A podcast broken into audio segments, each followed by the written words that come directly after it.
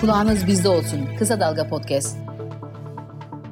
Kısa Dalga'dan herkese merhaba. Ee, bugün aramızda Emet Gaziantep Milletvekili Sevda Karaca var. Ee, Sevda Hanım ile birlikte deprem bölgesinde devam eden sorunları konuşacağız. Ee, öncelikle hoş geldiniz Sevda Hanım. Hoş bulduk. Merhabalar herkese. 6 ee, Şubat 2023 tarihinde Kahramanmaraş merkezi yaşanan depremden etkilenen pek çok ile gittiniz, e, köye, ilçeye ziyaretlerde bulundunuz ve orada halkın sorunlarını dinlediniz.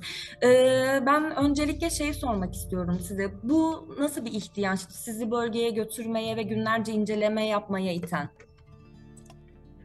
Ee, biz Emek Partisi olarak depremin yaşandığı ilk günden itibaren aslında e, bu depremin yarattığı e, tabloyu hem e, açıklığıyla kamuoyuyla paylaşmak hem devletin ortaya koymadığı bilgileri emek ve meslek örgütleriyle birlikte kamuoyunu aydınlatmak üzere e, çok çeşitli raporlar hazırladık. Depremin hemen ilk ayında e, bir raporumuz e, vardı zaten. E, şehirlerimizi kar ve rant düzeni yıktı e, isimli bir broşür hazırlamıştık. E, bu depremin arka planına ilişkin bir değerlendirme içeriyordu. E, ayrıca e, Şubat depremleri raporu hazırladık. Yine e, iki gazeteci arkadaşımızla Emek Partisi heyeti e, aynı biçimde bölgeyi e, tümüyle gezerek e, orada bu rantın ve kar odaklı anlayışın bu yıkıma nasıl yol açtığını ortaya koyan bir rapor hazırlamışlardı 12 Nisan'da. Yine deprem bölgesinin çok önemli bir sorunu olan göçmen ve mültecilerle ilgili bir rapor hazırlamıştık. Yani onların ağır koşullarını ortaya koyabilmek için bu dördüncü raporumuz oluyor. E, depremin e, bu e, üstünden geçen altıncı ay çok kritik bir eşik olarak değerlendiriliyor tüm dünyada. Yani bütün afet dönemlerinde bu altıncı ay kritik bir eşik olarak değerlendirilir. Hem halk sağlığı açısından hem aynı zamanda afet koşullarının iyileştirilmesine yönelik atılan adımların kritik eşiği olarak değerlendirilir. Biz de o yüzden altıncı ayda daha önceki e, çalışmalarımızla karşılaştırmalı bir değerlendirme de yapmak, devletin sunmadığı, iktidarın hiçbir bakanlığının ortaya koymadığı veriler, değerlendirmeleri, emek ve meslek örgütleriyle, yerinde incelemelerle, halkla buluşarak ortaya koymak, kamuoyunu bilgilendirmek ve halen devam eden sorunları ortaya koymak için e, 6. aya denk gelmek üzere böyle bir çalışma yaptık. Yaklaşık 12 günlük bir e, ziyaret programının ardından. Ee, Sevda Hanım, peki nerelere gittiniz ve e, yani raporda olan olan sorunları da birazcık bize açabilir misiniz? Ee, biz e, Hatay'da Harbiye, Samandağ, e, işte İskenderun, Antakya ve Defne ilçelerini e, gezdik. Buralarda çok sayıda köyü, çok sayıda mahalleyi gezdik. E, buralarda halk buluşmaları, kahve toplantıları, köy toplantıları, e, ev buluşmaları, çadır e, kentlerde ve konteyner kentlerde buluşmalar gerçekleştirdik. Yine e, Malatya'da özellikle orada üretici köylülerin ciddi sorunları var. Ağırlıklı olarak köylere gittik. Ören, Polat, Çığlık köylerinde halk buluşmaları, kahve ziyaretleri yaptık. Burada yak, 4 konteyner kent ve 5 çadır kent gezdik Malatya'da. Adıyaman'da yine keske bağlı sendikaların temsilcileriyle buluştuk e, çeşitli konteyner kentler gezdik. E, burada Adıyaman Barosu Başkanı'yla e, görüştük ve e, Adıyaman'ın en büyük yakımının yaşandığı bölgelerden biri olan Yayla Konak Balyan e, Belediyesi'ne bağlı mezralarda da çeşitli ziyaretler gerçekleştirdik. Gaziantep zaten benim milletvekili olduğum kent. E, yani depremin ilk gününden beri özellikle yıkımın ağır yaşandığı Nurdağ ve Islahiye'ye sıklıkla gidip geliyoruz. Ama 6. aydaki tabloyu ortaya koyabilmek için yine Nurdağ ve Islahiye'de de işte düzenli düzensiz çadır kentleri gezdik, konteyner kentleri, köyleri gezdik oralarda da. Yine Kahramanmaraş'ta da e, Maraş merkezini ve Pazarcık ve Narlı'yı aynı zamanda e, Pazarcık ve Narlı'ya bağlı dağ köylerini de e, gezdik. Oralarda incelemelerde bulunduk. Ee, şöyle raporda da pek çok sorundan bahsediliyor. Bunların başında su sorunu geliyor, kira sorunu geliyor, barınma sorunu geliyor, sağlık sorunu geliyor. Ee, ya ben de geçtiğimiz ay deprem bölgesindeydim ve benim de gözlemlediğim en ciddi sorunlardan birisi su sorunuydu. İnsanlar yani gerçekten suya erişmede büyük bir sorun yaşıyor. Hala su sıraları var bölgede ama sıraya girdikleri zaman da e, verilen sular çok e, cüzi miktarda. Bu içme yani özellikle bölgedeki e, demografik yapıya baktığımızda ailelerin e, kalabalık olduğunu da düşünürsek size göre bölgede tespit ettiğiniz sorunlardan en büyüğü, en can yakıcısı hangisiydi? Yani bu sorunun cevabı bölgeden bölgeye değişiyor aslında. Ee, dolayısıyla bu e, bölgeden bölgeye değişen sorunlarda ortak yanlar da var, farklılaşan yönler de var. Ama sizin de vurguladığınız gibi gerçekten su sorunu, elektriğe erişim, barınma sorunu, e, halk sağlığını da ilgilendiren, kimi boyutlarıyla ilgilendiren, e, bu kemirgen, fare, sürüngen, işte kimi e, böcek gibi sorunlar aslında e, çeşitleniyor ama ortak sorunlar olarak karşımıza çıkıyor. Tam da bu nedenle biz bu başlıklar altında yani işte barınma sorunu, halk sağlığı, eğitimde yaşanan sorunlar, köylülerin özellikle yaşadığı sıkıntılar, kentlerin yeniden inşaat sürecinde ortaya çıkan rantın ve ihaleciliğin yarattığı sorunları ve e, işçilerle mültecilerin yaşadıkları sorunları başlıklandırarak böyle detaylandırmaya çalıştık.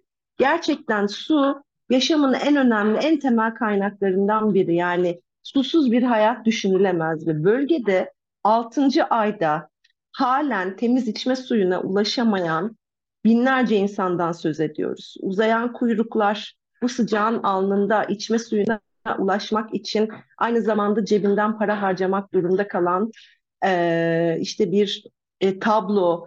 E, diğer yandan bunun yine devlet eliyle karşılanmadığı, hala dayanışmayla su ihtiyacının karşılandığı, dışarıdan gelen dayanışmayla su ihtiyacının karşılandığı bir tablo gerçekten kabul edilemez bir durum ve bu çok ciddi halk sağlığı sorunlarına e, yol açıyor. Şimdi biz Hatay bölgesinde Çevre Mühendisleri Odası'nın yaptığı çalışmalardan da faydalandık. Raporumuzda apaçık bir gerçek var. Bugün kuyu, tanker, şebekeden alınan numuneler, örnekler gösteriyor ki bu su kesinlikle değil içmek, insan bedenine temas bile etmemeli gerçekten de. Yani buradaki altyapı sorunları hala giderilemediği için çok ciddi bir şebeke suyu sorunu var. Bakın içmekten bahsetmiyorum. İnsan bedenine değmesinden bahsediyorum bu suyun ve bunların mikrobiyolojik olarak kirlenmiş olduğu raporlarla açık bir biçimde Çevre Mühendisleri Odası tarafından ortaya kondu. Nitekim bizim bölgede gezdiğimiz e, her yerde de halk özellikle kadınlar yani bu çok az sürelerde verilen şebeke suyunun ya da erişebildikleri çeşmelerden akan suyu kullandıklarında özellikle çocuklarda cilt hastalıklarıyla karşı karşıya kaldıklarını da anlatıyorlar, aktarıyorlar. Sene 2023 depremin üzerinden 6 ay geçmiş, çeşmelerden su akmıyor, şebeke suyuna erişim mümkün değil. İçme suyu için insanlar kilometrelerce uzayan kuyruklara girmek durumunda ve az çok erişebildikleri çeşmelerden aldıkları suyun ise mikrobiyolojik değerleri o kadar yüksek ki insan sağlığına zararlı ve belediyeler topu işte e, daha e, işte merkezi idarelere, merkezi idareler topu belediyelere atıyor ama olan gerçekten de bölgede depremzede halk oluyor. Ee, Sevda Hanım, sizin de dediğiniz gibi depremin üzerinden 6 ay geçti ee, ve biz aslında hala enkaz kaldırma çalışmalarını da konuşuyoruz. Ee, buna dair bölgede gözlemleriniz neler? Şimdi bu nereye gitsek, nerede bir e, depremin 6. ayındaki tabloyu konuşsak, e, en çok dile getirilen konulardan biri. Enkazın altında kaldık, enkazın içinde yaşıyoruz diyor depremzedeler. Bu şu anlama geliyor. Yani enkaz kaldırma çalışmalarını ihaleyle sermaye bir rant kapısı haline getiren iktidar orada depremden hayatta kalmış halkın sağlığını hiçe sayarak toz duman altında, asbest tehlikesi altında bir yıkım, işte e, enkaz kaldırma, moloz toplama ve ayıklama işlemi gerçekleştiriyor. Ve bu enkaz kaldırma çalışmaları oldukça yavaş ilerlerken bir taraftan da bu enkazlardan çıkan molozlar yerinde ayrıştırıldığı için de çok ciddi sağlık sorunlarına yol açan bir takım sonuçlar yaratıyor. Üstelik yerinde ayrıştırıldıktan sonra götürüldükleri yerlerde büyük oranda tarım arazileri, büyük oranda ormanlık alanlar, meralar, büyük oranda yine yerleşim alanlarının yakınındaki yerler. Bütün kentlerde gerçekten şehre girer girmez burnunuzu ağzınızı yakan, boğazınızda büyük bir tahriş e, duygusu yaratan, gözlerinize, kirpiklerinize biriken bir toz duman hali var. Çocukların özellikle e, bu e, astım, üst solunum yolu enfeksiyonlarını bu yüzden yaşadıklarını bize hekimler de anlattılar. Gözle görülür bir gerçek olarak da zaten deprem bölgesinde özellikle halen konteyner kentlere yerleşmemiş olan çadır kentlerde ya da dağınık çadırlarda e, yaşam sürdürmeye çalışan insanların bu alanlara çok yakın olması dolayısıyla bu sıkıntıları daha çok e, onlarda da gözlemledik, anlatıyorlar nitekim. Sonuçta bu e, tablo yani enkazların kaldırılması e, meselesinde e, iş, hıza ve bunların paraya tahvil edilmesine, kâra tahvil edilmesine olanak sağlayan devlet aynı zamanda bu molozların, enkazların kaldırılmasında çalıştırdı, çalıştırdığı işçileri, e, taşere ettiği bu işte çalışan işçilere ilişkinde hiçbir güvenlik önlemi almadığını da biz gayet yerinde gördük. Kesinlikle ne bir toz maskesi, ne bir gözlük, ne yeterli e, bir koruma sağlayacak eldiven ya da ayakkabı orada bu molozları kaldıran işçilerde yok. Kaldı ki hani işçilere zaten verilmesi lazım ama oradaki bu enkaz kaldırma alanlarının çevresinde e, yaşamını sürdüren halka da aslında maskelerin ve koruyucu malzemelerin verilmesi gerekirken işçilere verilmediğini biz gözlemledik. Çok önemli bir şey var bence. Çeşitli biçimlerde haber de oldu ama biz yerinde gözlemlediğimiz ve bizzat bize aktarıldığı için özellikle belirtmek istiyorum. Bakın bu enkaz kaldırma çalışmaları ihale edilmiş durumda.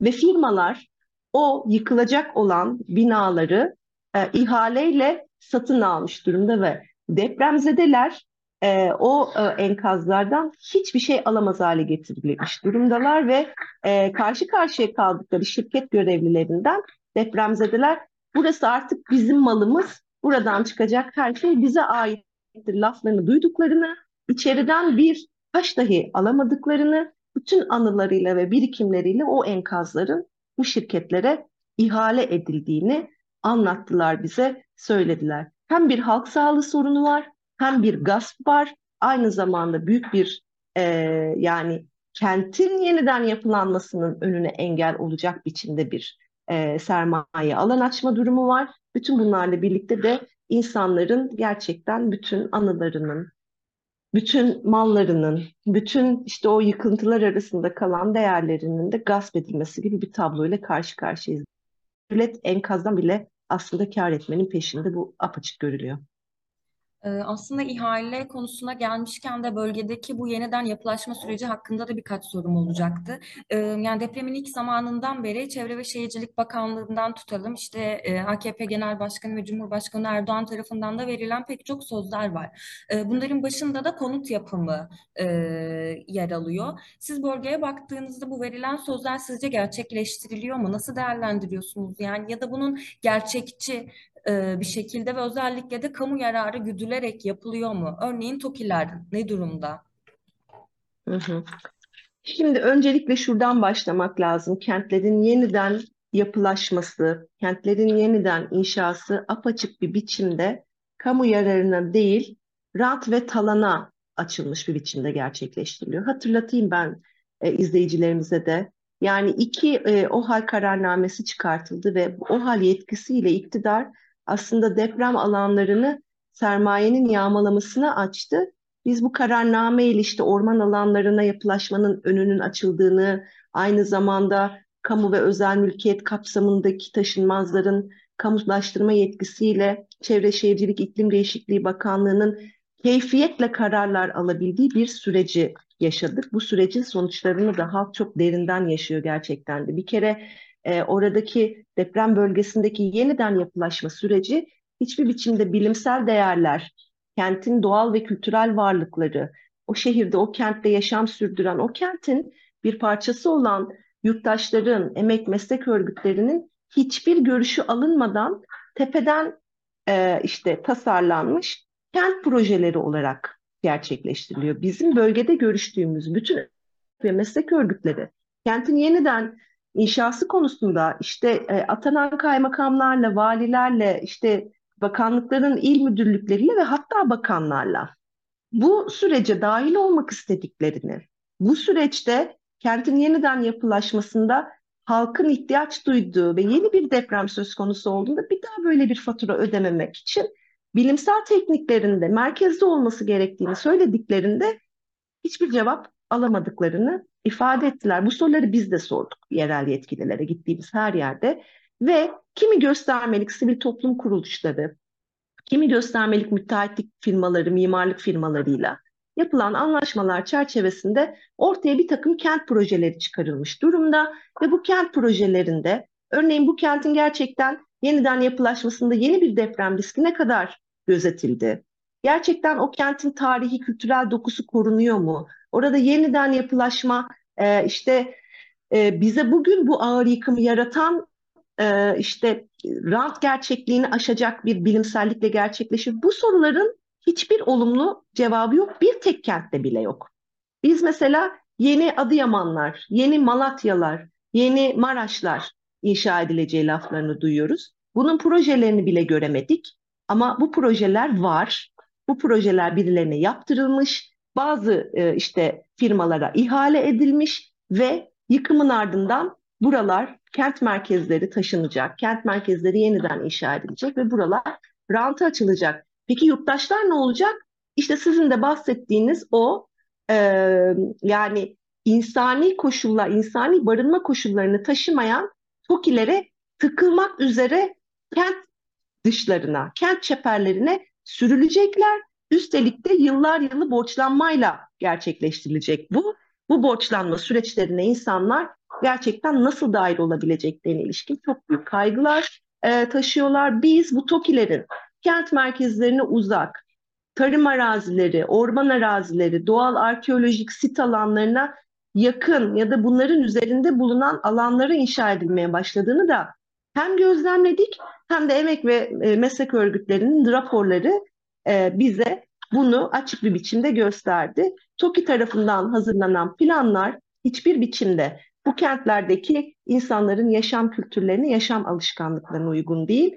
Aynı zamanda da yeni bir yıkımında önünü açacak biçimde e, plansız zemin etütlerinin ne kadar bilimsel biçimde yapıldığına ilişkin hiçbir doğru düzgün veri olmadan gerçekleştiriliyor ve biz görüyoruz ki insanlar bütün bu süreçte e, yani yıkımın etkilerini ve e, oluşacak tepkiyi bastırabilmek adına iktidarın hemen yapıyoruz, hemen size devredeceğiz, şu kadar sürede bu kadar ev vereceğiz dediği bu evleri ne ödeyebilecek durumda ne de insanların yaşam tarzları, koşulları, kültürleri o kibrit kutusu gibi TOKİ evlerine binlerce lira borçlanarak e, işte sığabilecek noktada e, TOKİ bir felakete yol açabilir gerçekten deprem bölgesinde. Böyle devam ederse.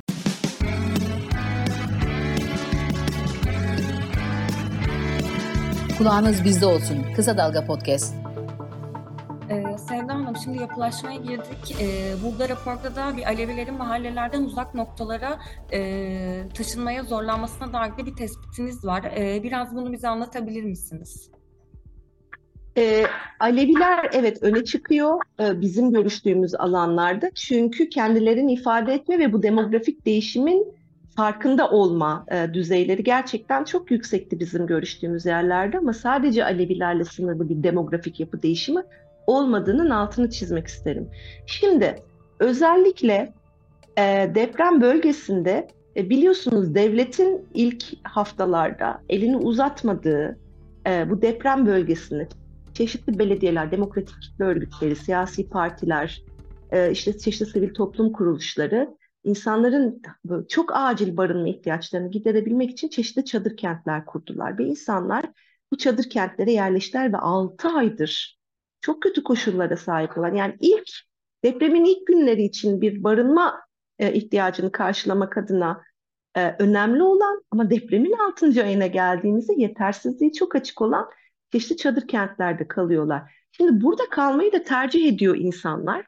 Uzak bölgelerdeki konteyner kentlere gitmeyi tercih etmiyorlar. Çünkü o konteyner kentler birincisi kendi yaşam alanlarına alışkın oldukları mahallelerine uzak. İkincisi e, insanlar dayanışmayla hayatta ve ayakta kalabiliyorlar hala. Çocuk bezinden tutalım yemeğe, ilaçtan tutalım e, işte geçim araçlarına ulaşmaya kadar her şey çadır kentler etrafında dönen hayatta aslında gerçekleştirilebiliyor.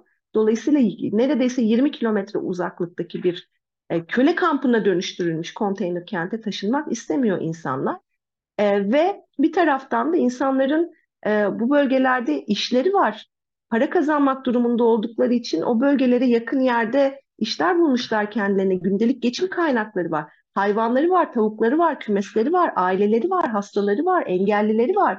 Ve bütün bunlar bu çadır kentleri boşaltıyoruz biz. Sizi farklı konteyner kentlere yerleştireceğiz. Eğer bu çadır kentten e, uzaklaşmazsanız, bu çadır kentten çıkmazsanız konteyner kent hakkınızı da e, kaybedersiniz diyerek tehdit ediliyor insanlar ve ne ilginçtir ki bu çadır kentlerde, bu koşullarda kalmak isteyen insanlar mahallede aslında kendilerine bir kültürel hayat da e, oluşturmuş, dayanışma ilişkileri oluşturmuş, bir kültürel birliktelik e, oluşturmuş insanlar. Yani işte azınlık grupları ya da işte Aleviler gibi e, bu memleketin en çok dışlanan inanç gruplarından biri. Ya da işte o kentler içerisinde tırnak içinde muhalefet mahallesi olarak görülen çeşitli mahalleler, yoksul mahalleler büyük oranda.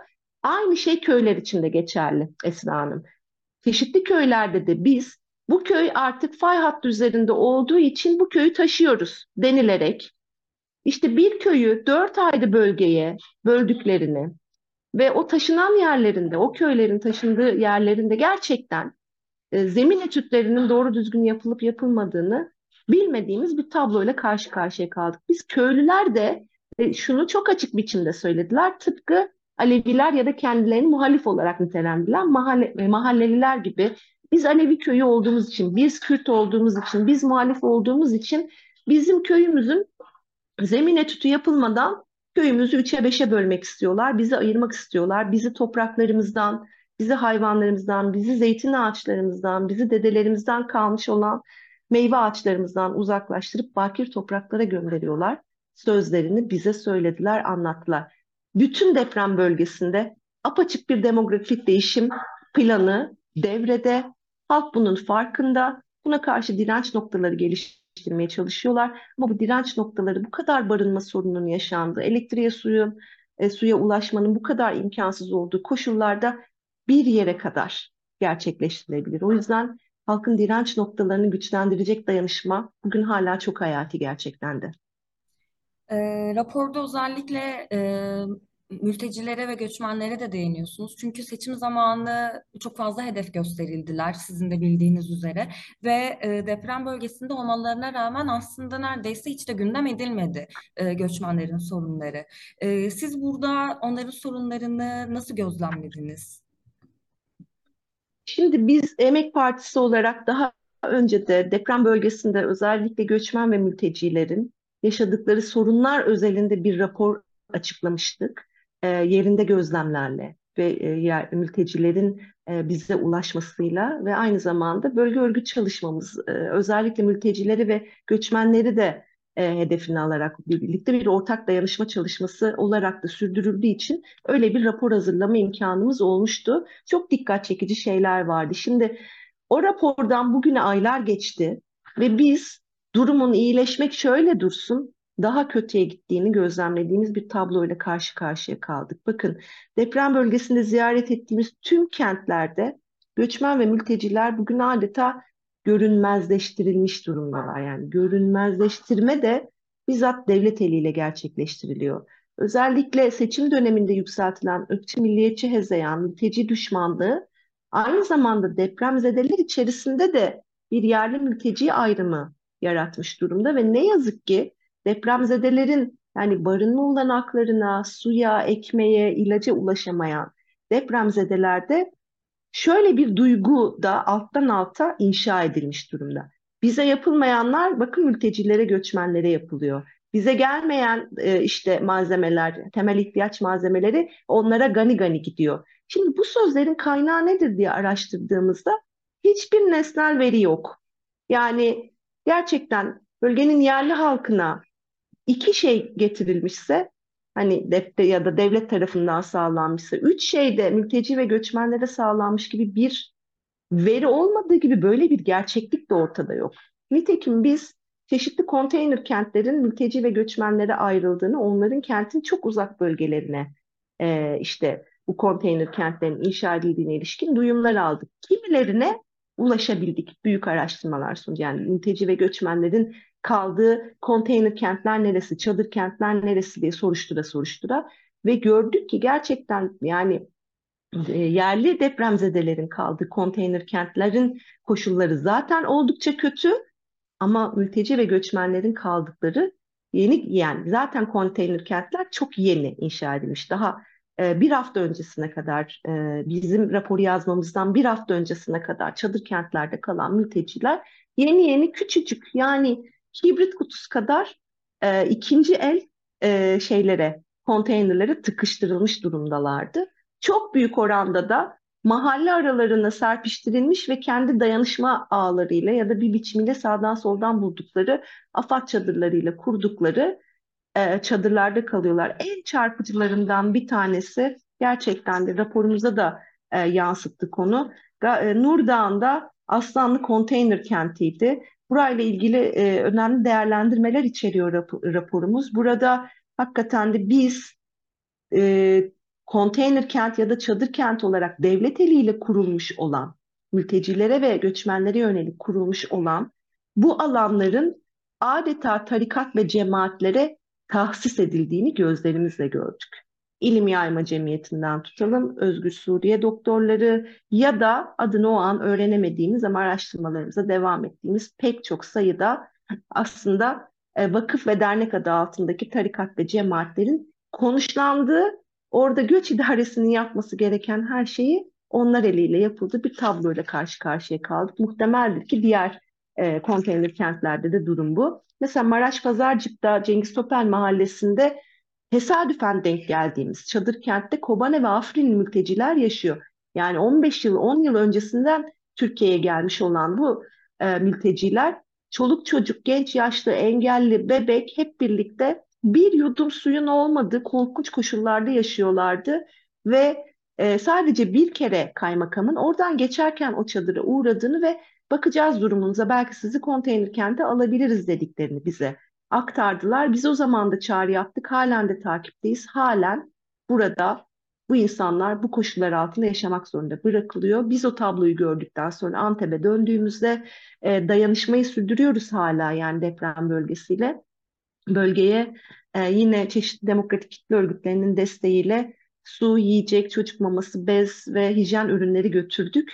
E, çünkü hakikaten de böyle bir desteğe yani küçücük bir paket bebek bezine, bir mamaya, bir ıslak mendile, bir şişe suya muhtaç halde yapayalnız bırakılmış bir gerçeklik var ortada ve çok korkuyorlar. Yaşadıklarını anlatma konusunda da çok büyük bir temkinlilik içerisindeler e, ve gözle görüleni sorduğunuzda bile aslında bir cevap veremez, e, bir şey dile getiremez, bir e, tehlike altında, bir tehdit altında hissediyorlar kendilerini. Ee, Sevda Hanım, ben birazcık daha bu tarikat ve cemaat meselesinin üstüne gitmek istiyorum. Yani çünkü e, pek çok alanda zaten hani yıllardan beri e, bu şeylerle e, uğraşıyoruz. Devletin özellikle de e, pek çok e, katlarında yer edinmiş de durumdalar. Burada da deprem bölgesinde de ilk andan beri zaten tarikat ve cemaat yapılanmalarını gördük. İşte Adıyaman'da Beşir Derneği'nden tutalım sizin de dediğiniz gibi ilim yayma cemiyetine kadar e, şey sormak istiyorum. Şimdi bu dernekler ve vakıflar deprem bölgesinde herhangi bir engellemeye e, maruz kalmadan çok rahat bir şekilde faaliyetlerine devam ediyorlar. E, 6. aya rağmen. Ama pek çok e, demokratik kitle örgütleri deprem bölgesine girişte böyle e, fiili engellemelerle karşılaşıyorlar. İşte tam anlamıyla e, bunu yasak olarak adlandırmasak da e, sizin bu tarz yönde gözlemleriniz var mı? Şimdi öncelikle belki şunu söylemek lazım. Deprem bölgesinde, konteyner kentlerde, çadır kentlerde e, ya da kent yaşamının içerisinde e, devlet varlığı, bakanlıklar eliyle yapılan görevlendirmeler, işte il müdürlükleri eliyle yapılan görevlendirmelerde biz iki şeyin öne çıktığını görüyoruz. Bir, Diyanet'in çok görünür varlığı.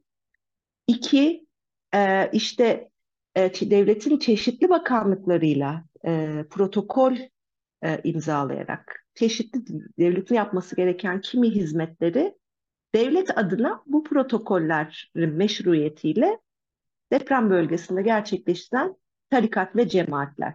Bu protokollerin içeriği nedir? Ne kadar süreyle imzalanmıştır? E, devletin kendi kamu görevlileri e, eliyle yürütmesi gereken hizmetlerin hangileri bu derneklere, vakıflara devredilmiştir? Kimdir bu görevliler? Devredilen, görevler devredilen bu e, vakıfların ve derneklerin hangi tarikatlarla, cemaatlerle bağları var? Ve bu insanlar çocuklarla, yaşlılarla, engellilerle ya da çeşitli psikososyal desteğe ihtiyacı olan depremzedelerle yüz yüze gelebilecek bir eğitime, donanıma sahipler midir? Bu soruların cevapları yok bakın. Bunlar gerçekten de e, işte çeşitli protokoller var. E, rahatlıkla giriyorlar, rahatlıkla çalışmalarını yürütüyorlar, rahatlıkla ellerini kollarını sallaya sallaya buralarda çalışmalar yürütüyorlar ve bu apaçık bir biçimde devletin tarikatlaşması, cemaatleşmesi anlamına geliyor. Yani her bakımdan deprem bölgesinde bir şükürcülüğün, bir kaderciliğin, bir işte aynı zamanda e, dinin de e, bütün orada yaşanan sorunların e, üstüne örtülebilecek bir e, kader algısı, e, bir kader e, örtüsü olarak kullanılmasında önü tümüyle açık. İşin bir böyle bir tarafı var.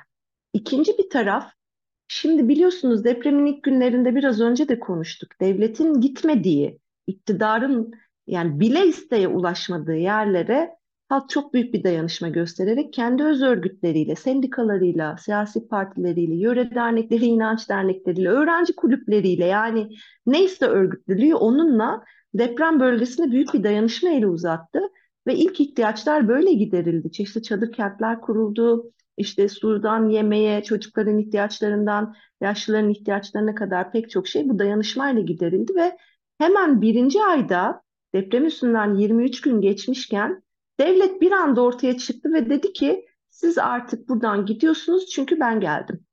Ve AFAD'la geldim. AFAD buraların tek hakimi, tek sorumlusudur dedi ve kurulmuş olan çadır kentlere el koydu. E, depo alanı olarak kullanılan ve içinde insanların o an ah, acil ihtiyaç duyduğu malzemelerin olduğu alanlara el koydu. E, kurduğu e, yarı kaos düzenli konteyner kentlerde insanların psikososyal destekleri, desteğe ihtiyaçları halen ortadayken bu destek hizmetlerini sunan emek meslek örgütlerini sürdü bu alanlarda ve kendisi gelip tarikat ve cemaatlerle yaptığı protokollerle buralara yerleşti. Bakın biz konteyner kentlere girerken bile, çadır kentlere girerken bile ben bir milletvekiliyim. Biz Emek Partisi e, olarak heyetle gittik oraya. Arası, e, bu heyetin içerisinde bizim genel merkez yöneticilerimiz, il yöneticilerimiz vardı. Ve her seferinde kimlik göstermek, görevli beklemek e, zorunda kaldık. Yani bu durumun kendisi bile aslında sadece biz burada bir halkın güvenliğini koruyoruz da açıklanamaz. Orada e, bu biçimde anlattığım biçimde yürüyen e, neredeyse köle kampına e, ve kadercilik kampına dönüştürülmüş bu alanlarında hakikaten bir gizlenme, kamuoyunun bilgisinden gizleme, e, muhalefetin bilgisinden, ilgisinden gizleme, orada yaşanan gerçekleri e, ortaya koyabilme e, olanaklarından gizleme gibi bir yön taşıdığını da düşünüyorum. Çok önemli bir e, şeye de değineceğim bu tarikat cemaatler meselesinde. Bakın özellikle eğitim alanı biliyorsunuz e, tümüyle tarikat ve cemaatlerin inisiyatifine terk edilmiş durumda. Bu deprem bölgesinde çok daha ağır biçimlerde böyle. Biz e, daha depremin ilk günlerinde, ilk ayında insanların başının üstünde çadır yokken, çocuklarının, yani çocuklar ortalıkta kayıp ve biz onların peşine düşmüşken ne hikmetse bu çadır kentlerde Kur'an kursları açıldığı gerçeğiyle karşı karşıya kaldık. Kimdi bu Kur'an kursunu işleten? Diyanet. Diyanet bu Kur'an kurslarını kimle işletti? Yaptığı protokollerle işte görev verdiği, orada kamu görevlisi haline getirdiği tarikat cemaat üyeleriyle gerçekleştirdi, meşrulaştırdı bu alanlarda onları. Şimdi eğitimden sağlığa, barınma ihtiyacından yiyecek teminine kadar her şeyin bu biçimde gerçekleştirildiği noktada gerçekten çok ağır bir tahribat olacağı çok açık. Kaygılıyız bu konuda ve biz e, bu protokollerin peşine de muhakkak düşeceğiz. Özellikle okul öncesi eğitimin tümüyle vakıf ve e, cema, bu vakıf ve dernek adı altındaki tarikatlerin inisiyatifine bırakıldığı gerçeğini görmezlikten gelemeyiz. Yani bu kadar çocuk istismarı vakasının, çocuklarla ilgili bu kadar tartışmanın, erken yaşta evlilikten tutalım karma eğitime kadar bir sürü tartışmanın hani en gerici ittifaklarca bugün meclise bile e, sokulduğu bu tabloda özellikle deprem bölgesindeki mağduriyet kullanılarak, oradaki çocukların ihtiyaçları, acil ihtiyaçları kullanılarak meşrulaştırılması çok büyük bir tehlike. Herkesin gözünün o yüzden deprem bölgesinde okul öncesi eğitimdeki bu çocukların durumuna odaklanması ve hızlı bir biçimde kamusal eğitimin, pedagojik eğitimi olan, alanda uzman olan, okul öncesi eğitim e, konusunda e, pedagojik bir e, yetkinliği de olan kamu görevlilerinin alanda görevlendirilmesini talep etmek bizim hepimizin boynunun borcu.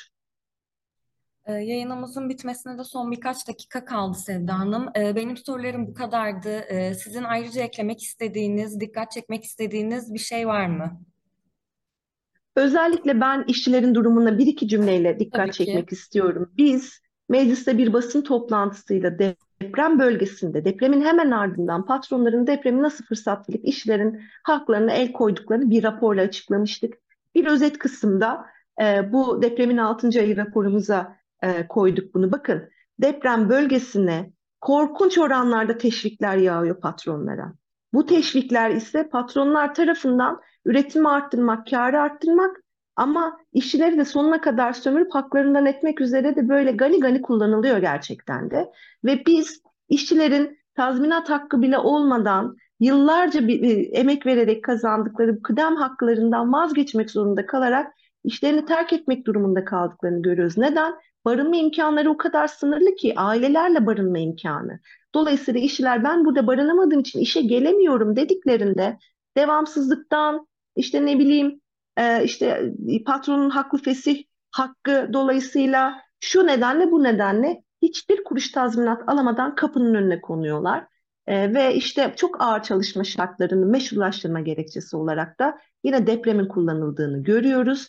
Bu yıkımın olduğu olmadığı bütün alanlarda deprem bölgesi sayılan bütün illerde gerçekten sermayenin dibine kadar kullandığı, kendine böyle bir hak olarak gördüğü, gördüğü bir gasp e, süreci e, ve özellikle bölgede tekstil işçileri bakımından, gıda ve kimya işçileri bakımından e, bu durumun çok daha ağır yaşandığını görüyoruz. Bu konuyu da gündem etmeye devam edeceğiz ve biz deprem bölgesindeki tüm işçilerin e, tazminat haklarını da kullanarak eğer o kentlerde barınamıyorsa başka bir kentlere gitme haklarının devlet tarafından sağlanması gerektiğini düşünüyoruz. Ve çok hızlı bir biçimde de sermayenin tepe tepe kullandığı bu teşvikler gerçek yerlerine yani işçilere verilebilmesi için denetimden geçmesi gerekiyor bütün deprem bölgesinin. Tümüyle bir işçi sağlığı, iş güvenliği denetimi, ayrıca bu teşviklerin gerçekten işçiler için kullanılıp kullanılmadığının denetimi, çalışma koşullarının ve işçilerin barınma koşullarının ne olduğuna ilişkin bir devlet denetimi şart. Bu da acil taleplerimizden biri. Ee, çok teşekkürler Sevda Hanım. Yani böyle önemli bir raporu sunduğunuz ve depremzedelerin sorunlarını 6. ayda da e, kamuoyuyla paylaştığınız için e, tekrardan teşekkürler. Ben çok teşekkür ediyorum. Depremzedeler şunu unutmasın, yalnız değiller. Buradayız her zaman da e, depremzedelerin bu ağır koşullarını gündeme getirmek için, e, bunları gündemde tutabilmek için, unutturmamak için de her zaman e, biz Emek Partisi olarak e, görevimizi yerine getireceğiz. Teşekkürler. Bundan sonraki yayınlarımız için de Kısa Dalga'yı takipte kalın.